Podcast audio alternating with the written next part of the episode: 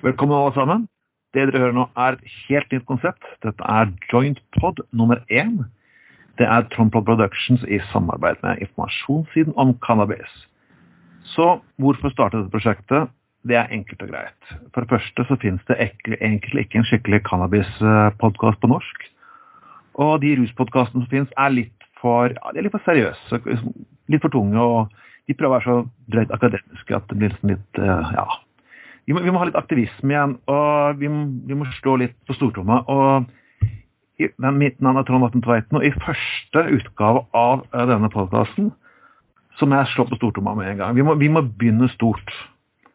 Og straight from prison har vi med oss Bjørn Dahl. Velkommen, Bjørn. Ja, hei, hei. Så, det går bra? Jo, ja da, det, det går, skal vi si. Jeg skulle egentlig begynt denne podkastserien her til eh, høsten, men det ser ut som at sommeren, eh, nå, det man kaller også agurktiden, det er agurktid i et mellomvalgår. Det betyr at uh, saker som vanligvis ikke vil komme på dagsorden, kommer på dagsorden. Og det er bl.a. rusreform, og merkelig nok også utrolig nok nå er medisinsk cannabis igjen. Men Bjørn, først må vi diskutere en sak, nemlig Jensen-saken. Yes! Vi kan faktisk lese nå at Erik Jensen sender et langt fuckings notat fra fengselet. At han er vonbrotten og mener at den dommen er bestillingsverk. Og alt som vondt verre er. For min del så sjekker jeg det er veldig utrolig mange folk på Facebook som utrolig har en sympati med Erik Jensen. Det er sånn at Han har vært en stor politimann, god politimann. og Systemet har ødelagt ham, og gud og fuckings oldemor. OK, uh, Bjørn. Er jeg eneste som bare føler et bullshit? du, uh, nå har jo ikke jeg vært i rettssalen og hørt uh, alle sider av saken. Og, og, og, og, jeg kan jo ikke ta stilling til de tingene som som det ikke finnes beviser på, egentlig. Men det er, det er, likevel noen ting som er ganske enkelt å forholde seg til.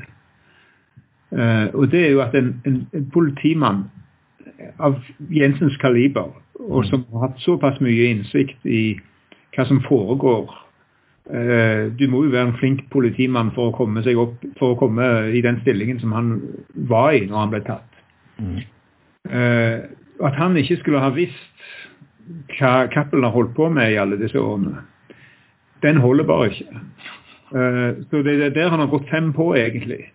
Og, og en kan jo lure på uh, altså uh, motivet for å holde kjeft om altså hvorfor hvorfor har han ikke fortalt mer? Hvorfor har han ikke innrømt at han Uh, sannsynligvis fordi at han ville fått en lang dom for det òg. Mm. Så han har gamblet og tapt. Sånn ser jeg det. Bortsett fra det, så er det ennå noen ting som gjør at det Altså, for spørsmålet er jo om han skulle hatt en mildere dom, at, at han egentlig ikke var så eh, langt inne i selve businessen som det som på en måte, han på en måte er blitt dømt for. Eh, men, men, der er det jo òg eh, noen ting som en må ha med i mente her. En, en, politimann som Jensen, han vet jo veldig godt hvordan han ikke skulle oppført seg hvis han hadde fått disse pengene som Cappelen påstår. Så, han er jo, så egentlig så de tabbene han har gjort, er jo de, tingene som på en måte er det småtteriet de har funnet, for å si det sånn. Så ingen vet jo. Altså, Folk sier 'hvor er pengene henne?' Men eh, det ville jo vært for dumt at han skulle bli tatt på det. Han, for, han vet jo bedre enn noen hva du må gjøre for å unngå at eh, noen skal finne de pengene. Så, den mangelen på bevis, den holder jo ikke. Uh, og når han da velger en strategi som innebærer at han ikke eh, blir trodd i det hele tatt. Han er ikke, han er ikke troverdig, rett og slett. Da må man jo gå ut ifra at han er skyldig. det er spørsmålet bare hvor mye skyld Så skal han da spekulere i om han visste mindre eller miste altså, Det blir jo for dumt. Det, det, er han som måtte oppklart saken hvis, det, hvis han skulle fått en mildere dom. Så du mener at han, han gamblet med å ikke fortelle hele sannheten? Han, han, hele sannheten. Ja. han, han gikk på alt eller ingenting? Ja, rett og slett. For han burde ha innrømt uansett. Hvis, hvis, det var, hvis dette her hang sammen på den måten at Jensen, Cappelen har vært uh, Jensens uh, informant. Ja. Uh, og, og, en fantastisk god informant ut ifra Jensens påstand. da har jo den tjenesten Cappelen fått tilbake her, vært av både psykisk art og av eh, Altså det å ha en mann på, på, på, på spesielle operasjoner som, eh, hold, som, kan gi deg informasjon og som altså det, det, er jo en fantastisk uh, mulighet for en som skal smugle tonnevis med hasj. Han, han må iallfall ha følt seg tryggere. Mm. Uh, og, her, så her har det jo vært et samspill, uansett hvordan en vender og vrir på det. Og selv psykisk, så, er, så, så, så, lenge Jensen visste hva som foregikk, så er han faktisk medskyldig. For han skulle jo ha stoppet det. Det er jo det som er hele greien. I utgangspunktet så er jo dette her eh, en provokasjon, sånn som det fremstår. Så, så, så, hvis en skulle ha hatt en omkamp på hele greiene, så burde jo egentlig alt vært nullet ut. fordi at uh, alle har vært altså Jensen har vært informant.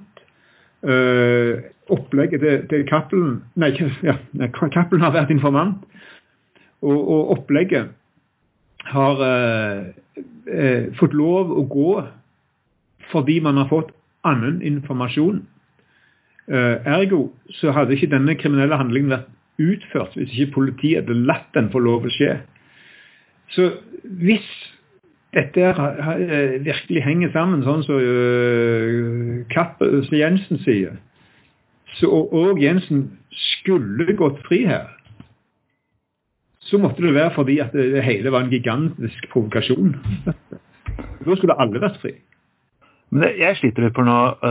Jeg nekter, jeg nekter faktisk å tro at ingen har vært klar over noe av det Erik Jensen har gjort. Det blir, det blir, litt, det blir litt sånn vanskelig for meg å finne ut. Og, ja. og når man snakker om også, man, man snakker nå stortingspolitikere nå som etter dommen har falt, man har lyst til å sjekke om alt har vært bra i politiet. Ja, Men det er jo laglig seint, siden denne rettssaken her har foregått i årevis. Den dagen Jensen ble arrestert, burde vært begynt, man burde man begynt å fylle fylle revisjon av politiet. Ja, Det er utrolig at de ikke startet med en gang. Det ville jo òg kunne ha gitt en uh, rettferdig dom. nå, nå, er jo nå, nå kan nå sikkert mange personer allerede skjønt hvordan de skal slippe unna eventuelt enhver form for kritikk. Ja, ja, det er flere som ikke jobber i politiet lenger, pensjonert. Og, altså, I det hele tatt uh, Det er lovlig seint å begynne seks år etterpå å etterforske. det, for, for det, dette dette forsto jo jeg fra første dag, for å si det sånn. Jeg trengte ikke ha noen seks, dag, seks år med rettssaker og greier for oss. Det, det er det som jeg forteller deg nå, som jeg uh, har, har regnet meg fram til. Dette kunne jeg ha sagt allerede i 2014. Jeg tror jeg sa det òg. Hvis du går på nye meninger, så finner du uh, kronikker som jeg skrev uh, den gangen. Hvor jeg allerede da fremsatte dette. Vi kan bare si at vi kommer til å legge de ved uh, når vi legger ut en podkast her, så folk kan ja, se hva Bjørn refererer til. Så dere sjekker feltet under, så podcast kan dere bare klikke dere fram til disse her. Jeg har faktisk lest det boka til Jensen, og den er jo Den er jo merkelig. det er jo Det kommer ingenting fram av hva han fremstiller seg som en liten maverick, kan du si, som har prøvd å gjøre det riktig i politiet og han har gått litt på kanten, men han har gjort det i en god ånd. så liksom Litt ja. mangel på selvinnsikt, kan du si. Da. Han må på et eller annet tidspunkt. Og det i tillegg det jeg sliter med, er jo Cappelen hvis, hvis, han har smuglet så store mengder, mm. så betyr det at et lite samfunn som Norge har hatt ekstremt god tilgang til cannabis. Mm. Og ingen fuckings har reagert og skjønt at hvordan i helvete kommer de svære mengdene inn i samfunnet i utgangspunktet? Ja, nei, det, altså det, det, det, er jo bare én forklaring, og det er jo at dette her har vært eh, altså klarert på et vis. Altså, man, man, snur det blinde øyet til. Sånn er det det fungerer. Så, så hvor mye de har visst i detalj man har, Men man tenker altså Tankegangen her er jo at, at dess mindre man vet, dess bedre er det. Ja? Så, sånn at det, man, man, snur det blinde øyet til, rett og slett. Men det er ingen unnskyldning. Jeg kjenner flere som er blitt dømt fordi at de burde visst. Altså Jeg har jeg har et, et, godt eksempel på kona til en venn av meg som ble tatt med ganske store mengder. og hvor hun ikke har De, de har ikke ett fnugg av bevis på at hun har, har visst, egentlig. Ja. Altså, men, men, det at hun har vært med og brukt pengene, øh, og han var uføretrygdet, og det, de, altså, det, at de visste Altså, hun burde visst, rett og slett. Altså, du får liksom du, du må, Skal du slippe unna noe sånt, noe, så må du ha papirer på at du har uh, lav IQ eller noe sånt noe. Uh, fordi at det, det, det, forlanges av deg, iallfall i norsk rettssystem, for andre, og da må det gjelde for Jensen òg, uh, at eh, hvis du burde visst, så blir du dømt. Da burde kona hans blitt dømt? Ja. ja.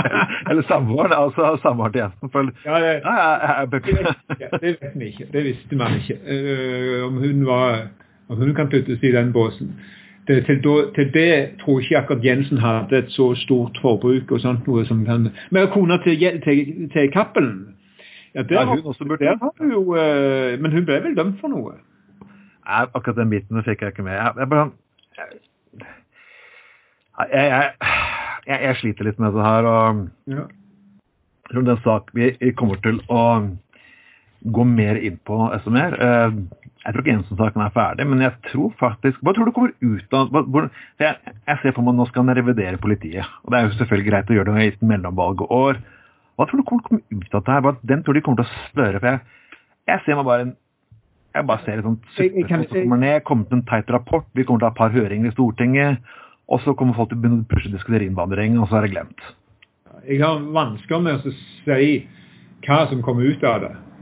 For, for å si det sånn at med så mange skuffelser opp gjennom årene av uh, den manglende logikk i narkotikalovgivning og hele resonnementet rundt det, så har jeg ikke akkurat noen sånne store forhåpninger om, om at det blir noe, kommer noe særlig godt ut av det.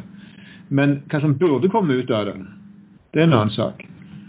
For det første, for det første så burde jo altså den måten man bruker informanter på mm. det, det, det, altså denne ideen om at det, altså, informanter blir faktisk altså, det er, det er ganske problematisk. For dette, hvis du ikke har informanter som deltar i spillet, så får du knapt nok informasjon fra informanter. For da blir det jo eh, bare historier om, om, informanter som har hørt ting fra andre. Som, altså det blir Eh, tredjehånds, det blir fjerde- og femtehånds opplysninger. Ja, det er rykter. Eh, skal du ha førstehåndsopplysninger, så må du ha folk som deltar i spillet. Og da driver du i praksisprovokasjon. Ja. Så du slipper ikke unna det. Og da er det jo bare vi må bare stoppe med det. Og da kommer jo det neste spørsmålet. Kan man fortsette denne krigen mot narkotika? For dette, nå, nå, har ikke de klart det med alle de midlene de har. De har fått lov å gjøre øh, omavlyttinger og, og telefonavlyttinger og, og på, på, altså, på, så tynt grunnlag som at, de, at de, til og med på, på at du mist, mistanke for bruk, rett og slett. Altså, de har fått, Det er en unntakstilstand man har fått lov å gjøre omtrent alt, inkludert dette her eh, som altså, Jensen har fått lov, jeg er helt sikker. Altså, det, det, er ikke i tvil om et øyeblikk. På et eller annet plan så har han fått lov. Men man har snudd det blinde øyet til. så, så man, har ikke, man, man, har stilt spørsmålet på hodet, liksom. Man har, altså han, har ikke, han, hadde ikke fått lov hvis man hadde visst. Men siden han ikke har visst, i anførselstegn, så har han fått lov. Uh, så man har snudd det blinde øyet til, og så har man latt alt passere. Som han har fått, i praksis fått lov til alt, rett og slett. Og selv under disse omstendighetene så har de ikke klart å gjøre noen ting. Tilgangen har vært diger. Den har vært, Prisen har gått ned. Uh, når Cappelen ble tatt, så, så, så, så merket ikke markedet det i det hele tatt. Eh, så, så det har hatt null effekt, egentlig. Det er liksom, Jeg hadde en samtale med Neil Woods for en stund tilbake. faktisk. Eh, folk har lest boken 'Good Cop, Bad War'. Han er en sentral person i LEAP her i Europa. Og Han sa jo det at eh, de hadde driti ned i en av de største narkonettverkene i Storbritannia. Og gjett hvor lang tid det tok før de var oppe igjen? De det opp igjen samme dagen. To timer tok to timer til gikk det opp, og, og så var balletten i gang igjen. Ja, ja, ja. Så der har vi det. Og så, så selv med disse her, med, med den unntakstilstanden og, og, og, alle disse spesialtillatelsene, så har man ikke klart å gjennomføre det. Når man da må stramme inn på dette, tydeligvis for den, den måten å drive med informantvirksomhet på som har vært tillatt, og som til og med altså, vi snakker om metoder. og altså, Jeg så et intervju med han Racklev han heter Uh, han er politietterforskeren som en spesialist i, i, i, altså i metodebruk og sånn. Jeg husker ikke helt uh, hvem, hvem, det var, men han sa iallfall at fra 2008 så hadde man liksom gjort noen store forandringer på dette her greiene. Gått gjennom hele systemet. Og da var Jensen en av de som uh, var imot den nye måten å, å gjøre tingene på. Okay. Men, selv, men selv med disse nye metodene så har vi jo opplevd at i eh, var det 2016 eller 2015, eller iallfall etter at Jensen ble tatt, at de, politiet mistet 50 kilo på gata i Oslo som de, hadde, som de selv hadde smuglet. 50, mistet 50 kilo? Hvordan kan du fuckings miste 50 kilo? ja, nei, det er smarte kjeltringer som har lurt Mistet fuckings 50 kilo? ok, jeg... Ja, de mistet 50 kilo som de selv hadde smuglet. To og ingen, ble, ingen, ingen, politi ble dømt for noe som helst uh, feil i tjeneste eller noe som helst. Og Dette skjer etter at Jensen ble tatt. sånn at det, Her snakker vi om etter at det skal være innført uh, nye og forbedrede metoder og alt mulig.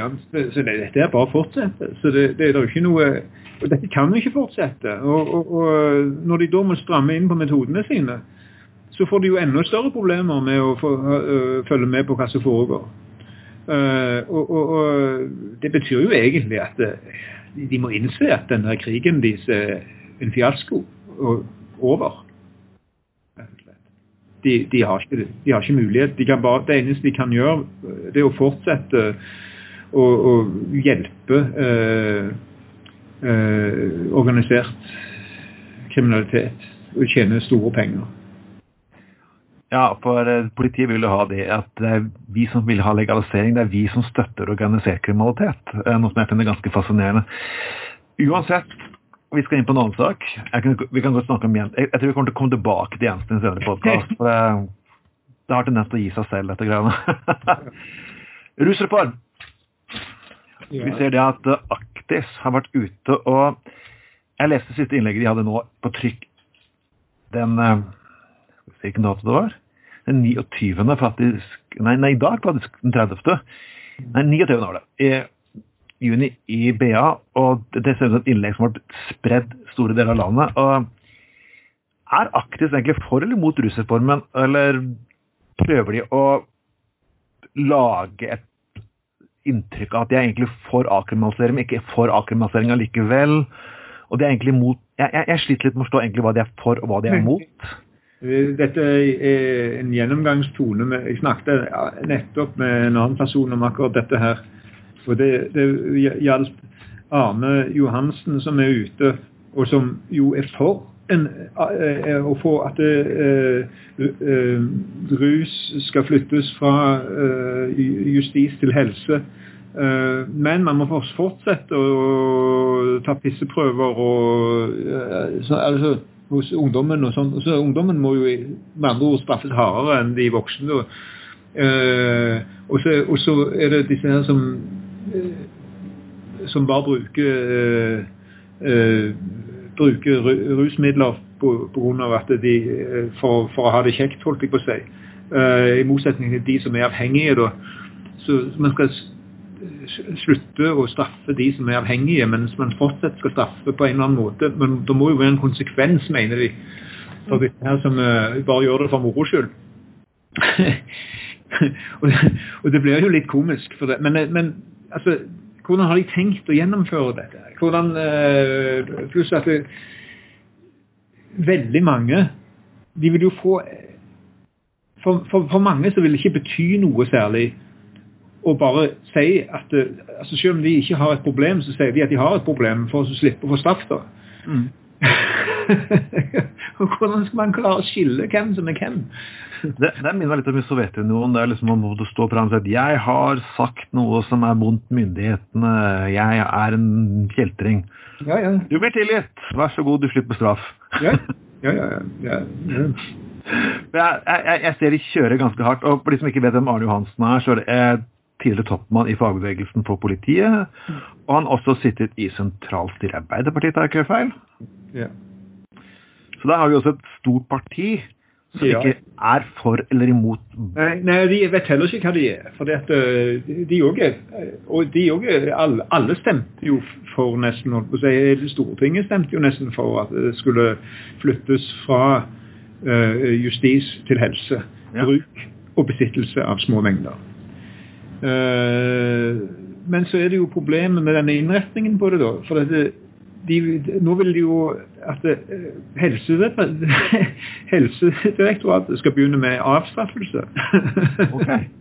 ja. Så Helsedepartementet skal bli justis... Ok, ja, det kan bli en herlig, herlig variant. Liksom man, man, man, klarer ikke å slippe dette her straffesporet. Ja? Det må være en, følge en straff med en konsekvens.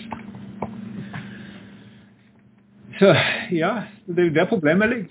Eh, men, men man opplever jo nå at den ene etter den andre går ut knallhardt mot denne, dette rusreformutvalget sin innstilling. Mm.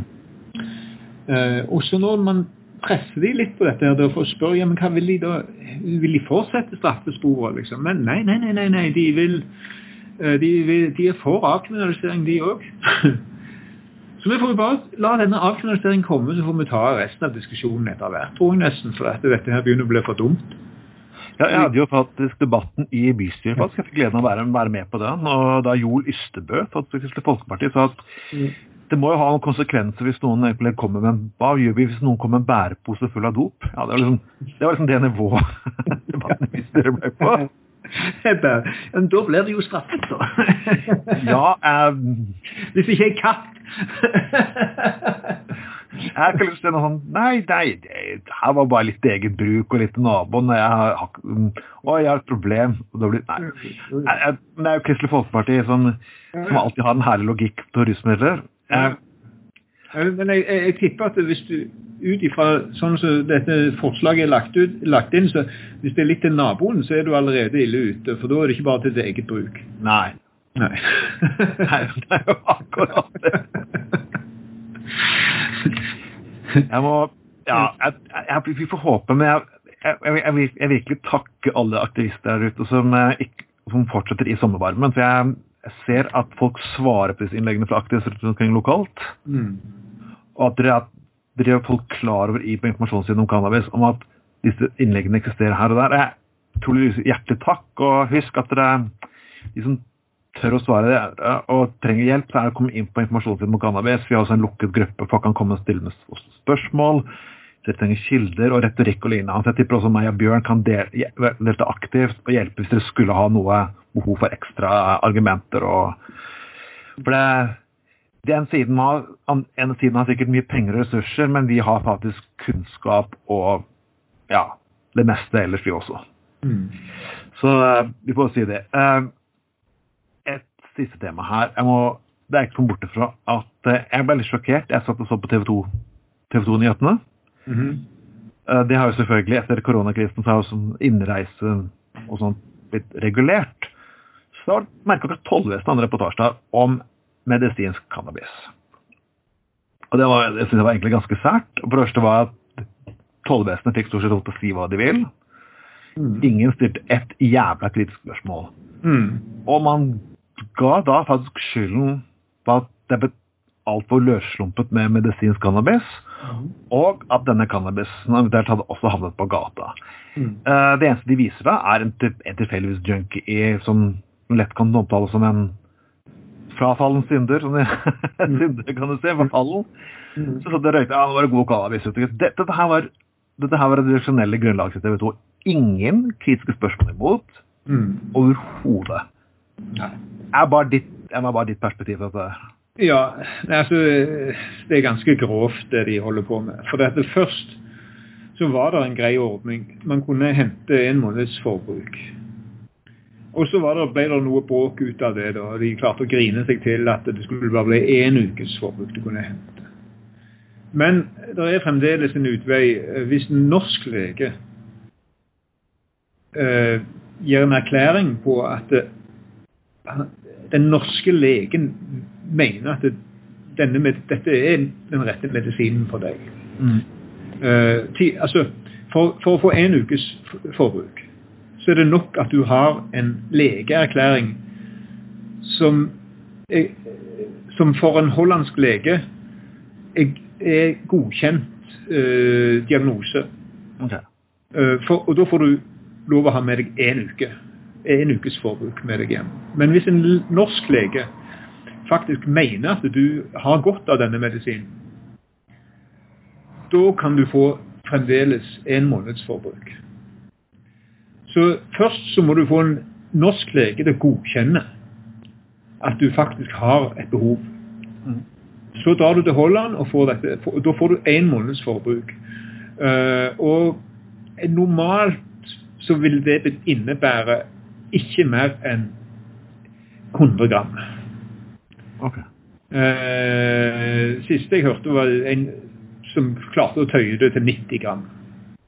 Jeg vet at det er noen som under helt spesielle omstendigheter. Men da snakker vi om smertepasienter. Og, altså det er helt spesielle eh, omstendigheter. Eh, som klarer å få gjerne opptil 200 gram på en måned.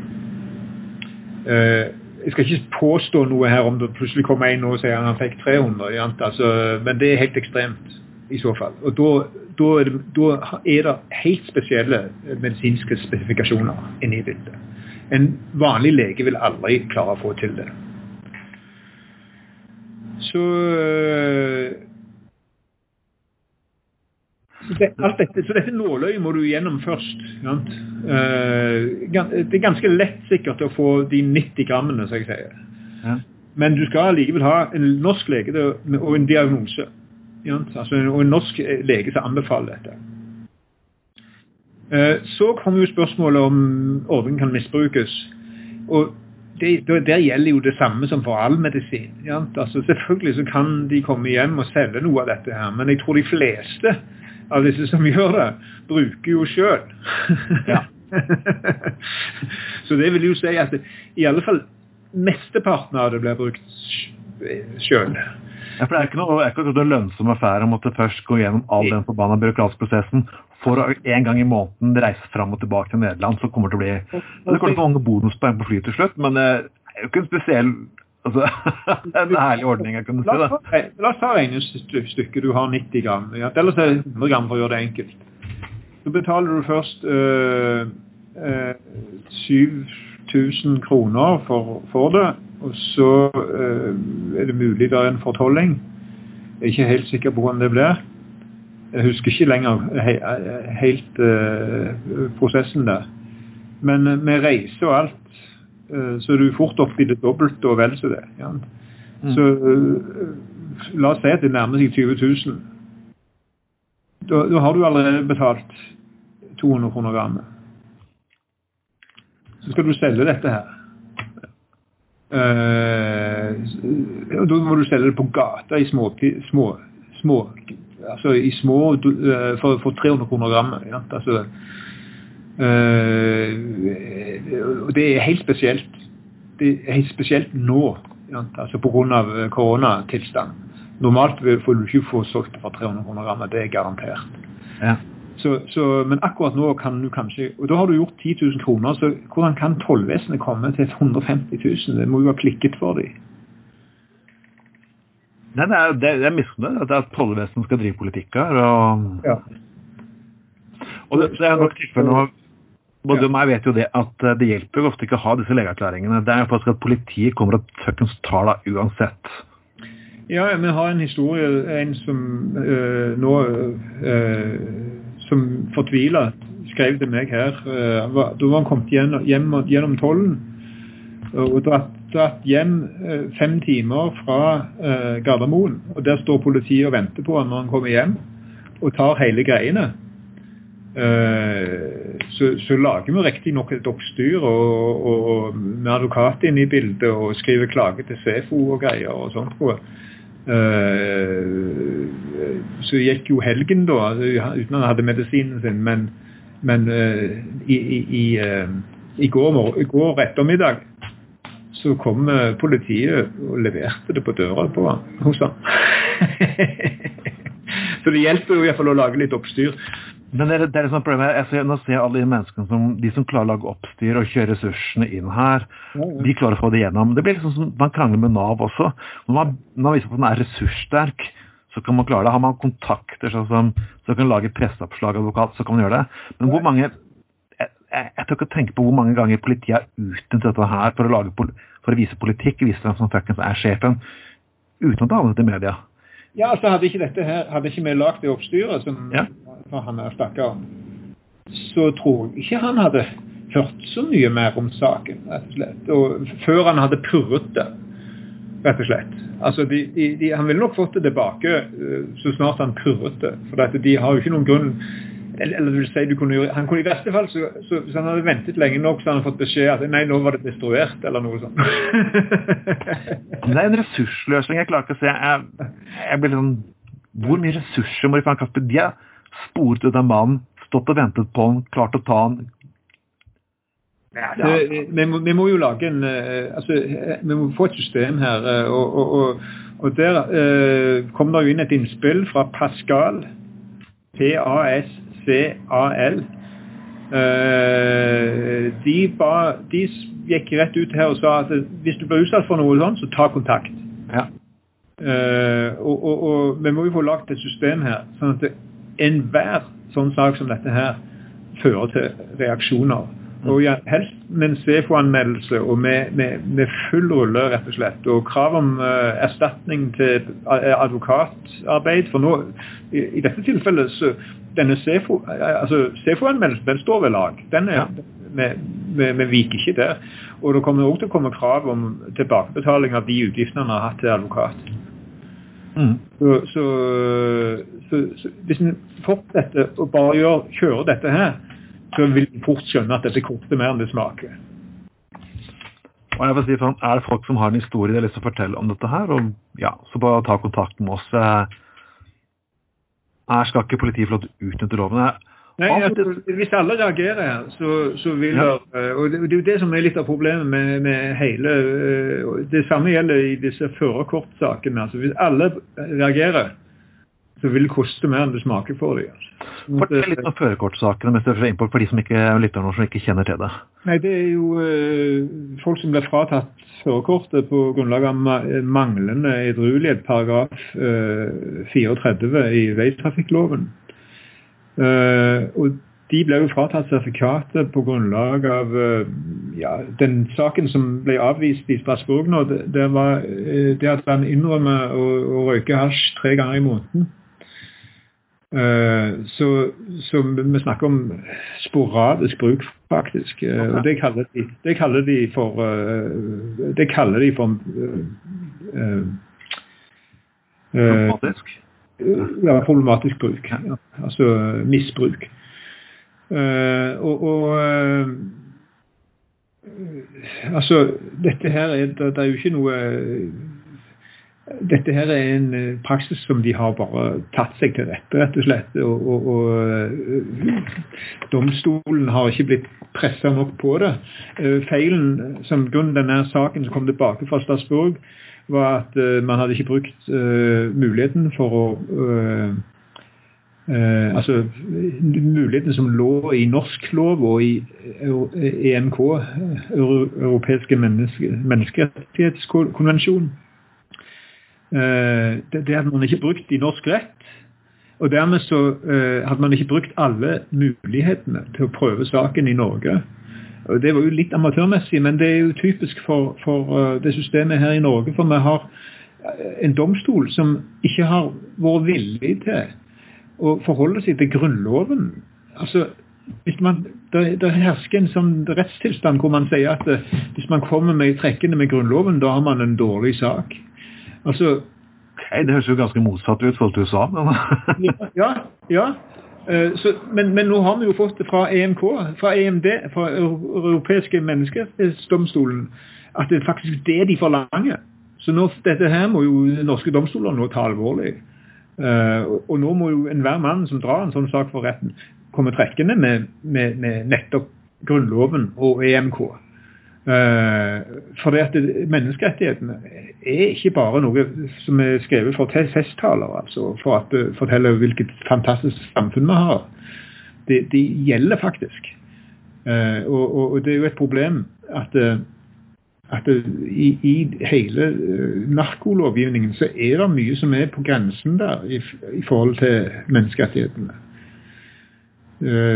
selve narkolovgivningen, altså f.eks. bare cannabis er jo egentlig i grenseland i og med at uh, alkohol er tillatt. Mm. Uh, så det betyr jo forskjellsbehandling. Ja? Altså, og det er forskjellsbehandling som ikke er tillatt ifølge menneskerettighetene.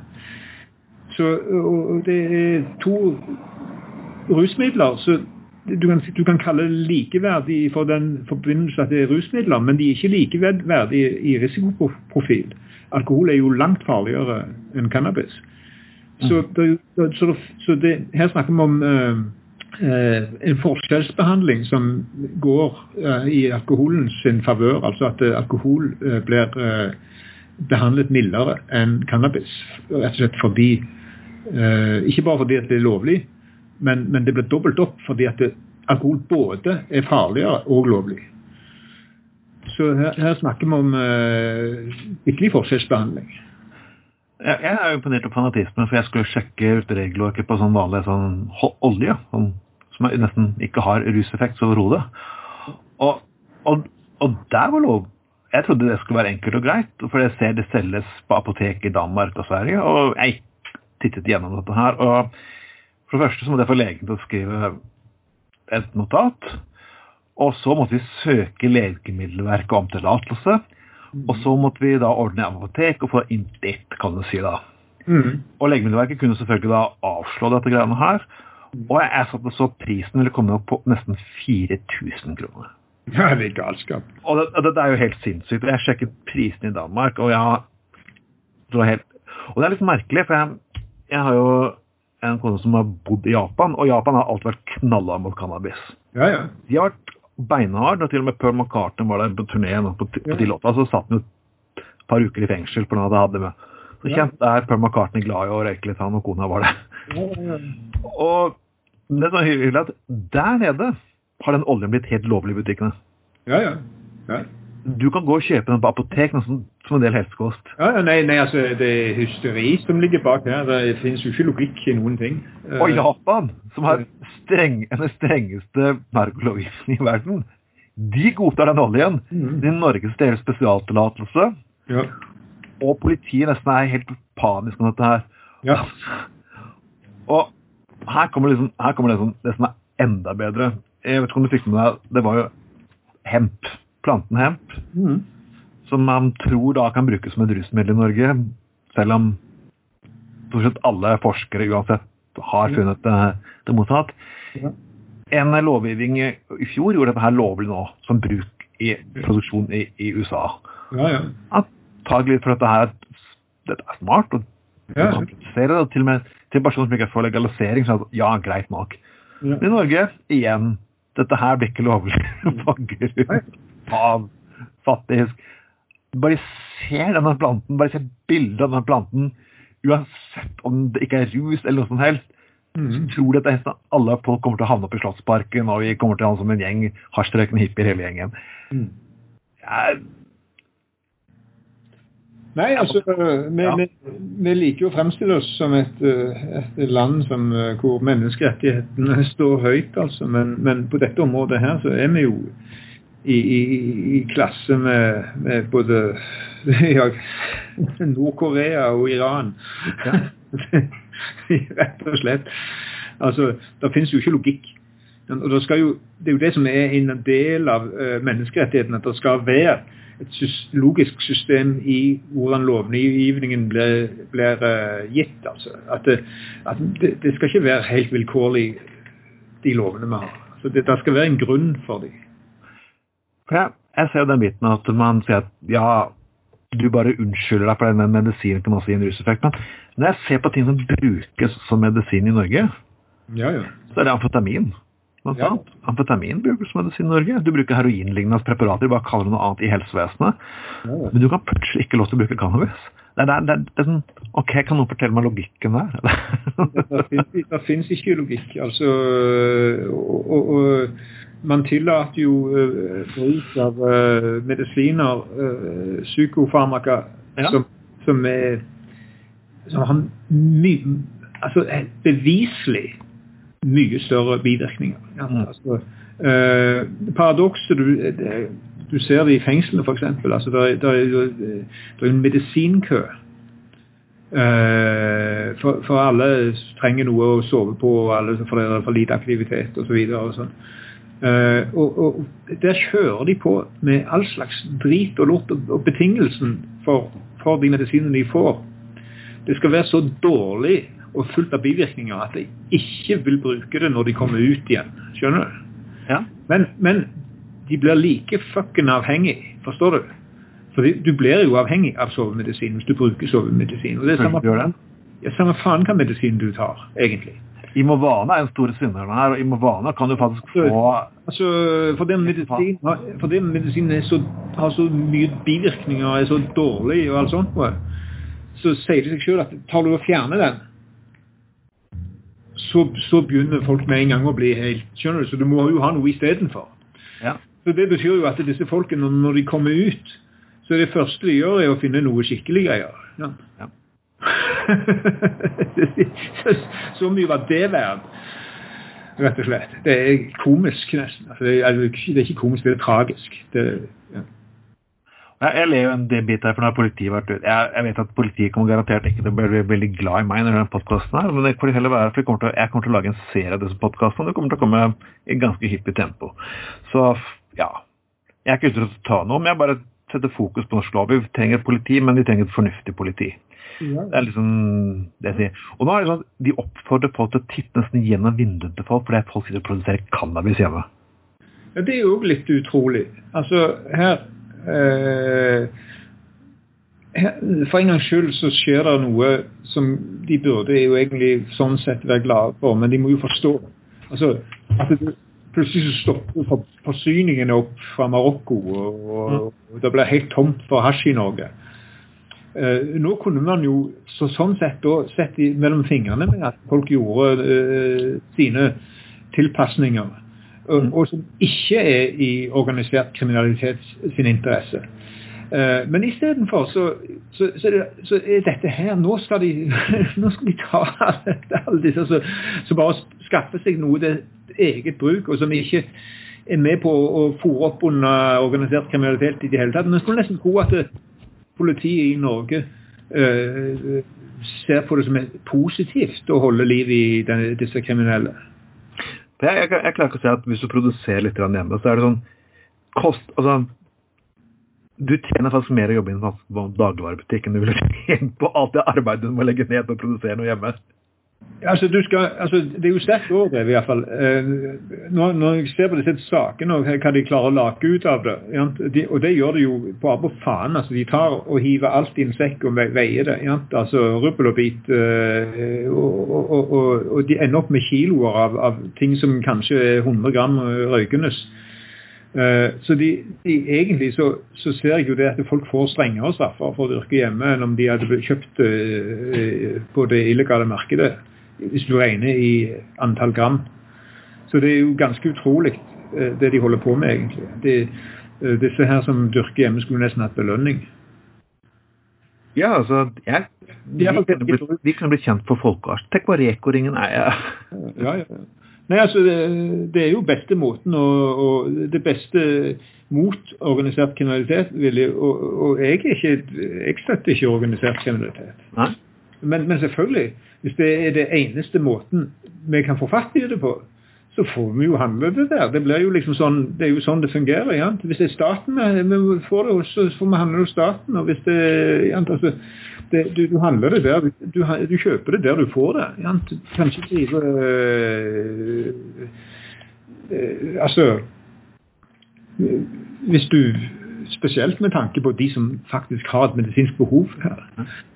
Og, og, og dette, disse tollvesenet nå har oppdaget det er jo ikke noe annet enn at det, det er mange flere som har et medisinsk behov i Norge enn det man tidligere har sett. Fordi at de fleste som har et medisinsk behov, de eh, har jo ikke villet gå gjennom tollen og deklarere i en spissrotgang og, og, og, fortelle hvem de er. Og, for de har det vært komfortabelt å kunne kjøpe det på det illegale markedet. Eh, for der kan du gjøre det anonymt. Eh, det som har skjedd nå, er at denne eh, koronasituasjonen har jo gjort at for mange så er det nesten umulig å få fatt i. Og, og dermed så har de i desperasjon gått til legen og fått en erklæring og dratt til Holland. Derfor så ser jo tollvesenet denne her voldsomme økningen. Mm. Men det forteller jo bare hvor mange som egentlig bruker cannabis som medisin. Det, men det, er det blir sånn som jeg husker i Telemark. Du husker metanolstakene på 90-tallet? Ja. Jo, Jeg husker jeg, husker jeg var liten en gang, og det her kom over Telemark. og Her var, her var regulering à la KrF, for de trodde de skulle få en alkoholbruk på den måten. her. Mm. Noen skal inn i butikk faktisk og kjøpe øl. Ja. Og de får beskjed at det får de ikke kjøpe, for de må bestille en uke i forveien og kun en kasse om gangen. Ja. Dette er for Porsche-folk. dette dette er ikke tull, dette skjedde skjedd i Telemark på 80-tallet. Ja. Andre fantastiske biten var eh, jeg hadde et lokalt supermarked.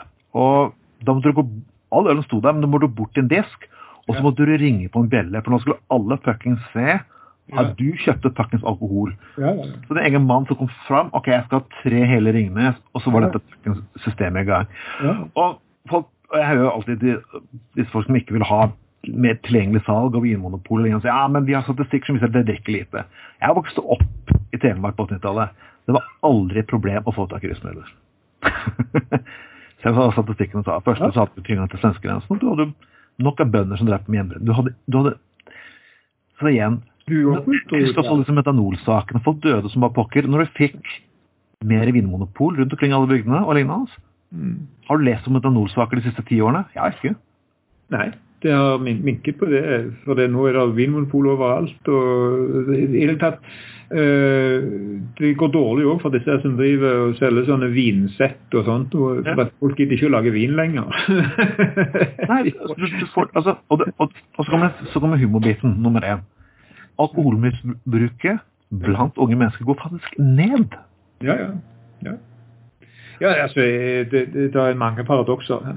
Det, for det, sånn, det eneste positive jeg har å si om norsk alkoholpolitikk, ja. uh, det er at uh, måten å selge det på, for et vinmonopol, ja. den modellen er faktisk uh, forbilledlig. for det første så, så, så blir innkjøpene såpass store at de, de, de får gode priser og, og, og godt utvalg. Uh, det, og det andre er at det er en spesialbutikk som kan uh, føre spesie, altså ha spesielt fokus på uh, legitimasjonskontroll, sånn at, uh, at, de som er for unge, ikke får kjøpt. sånn at Den spesialbutikkordningen er en bra side av det.